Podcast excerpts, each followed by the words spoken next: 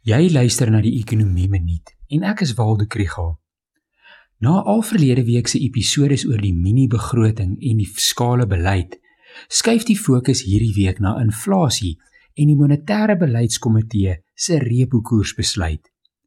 Oktober maand se verbruikersprysinflasiesyfer word Woensdag bekend gemaak en die repo koersbesluit is Donderdagmiddag.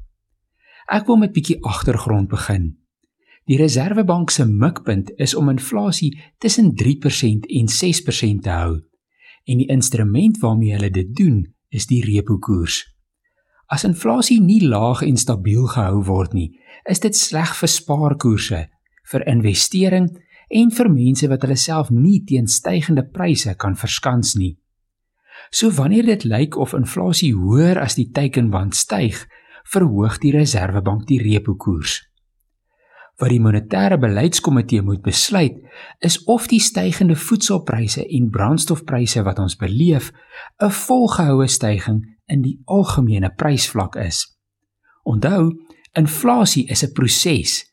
As stygings in brandstofpryse lei tot stygende vervoerkoste en dit veroorsaak dat produkte en dienste se pryse styg en dit lei daartoe dat werkers hoër lone eis en verhuurders hoër huur vra en koste styg weer en pryse styg weer, dan is dit inflasie.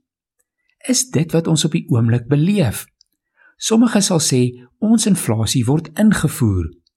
Dit is koste druk inflasie en nie vraag trek inflasie nie.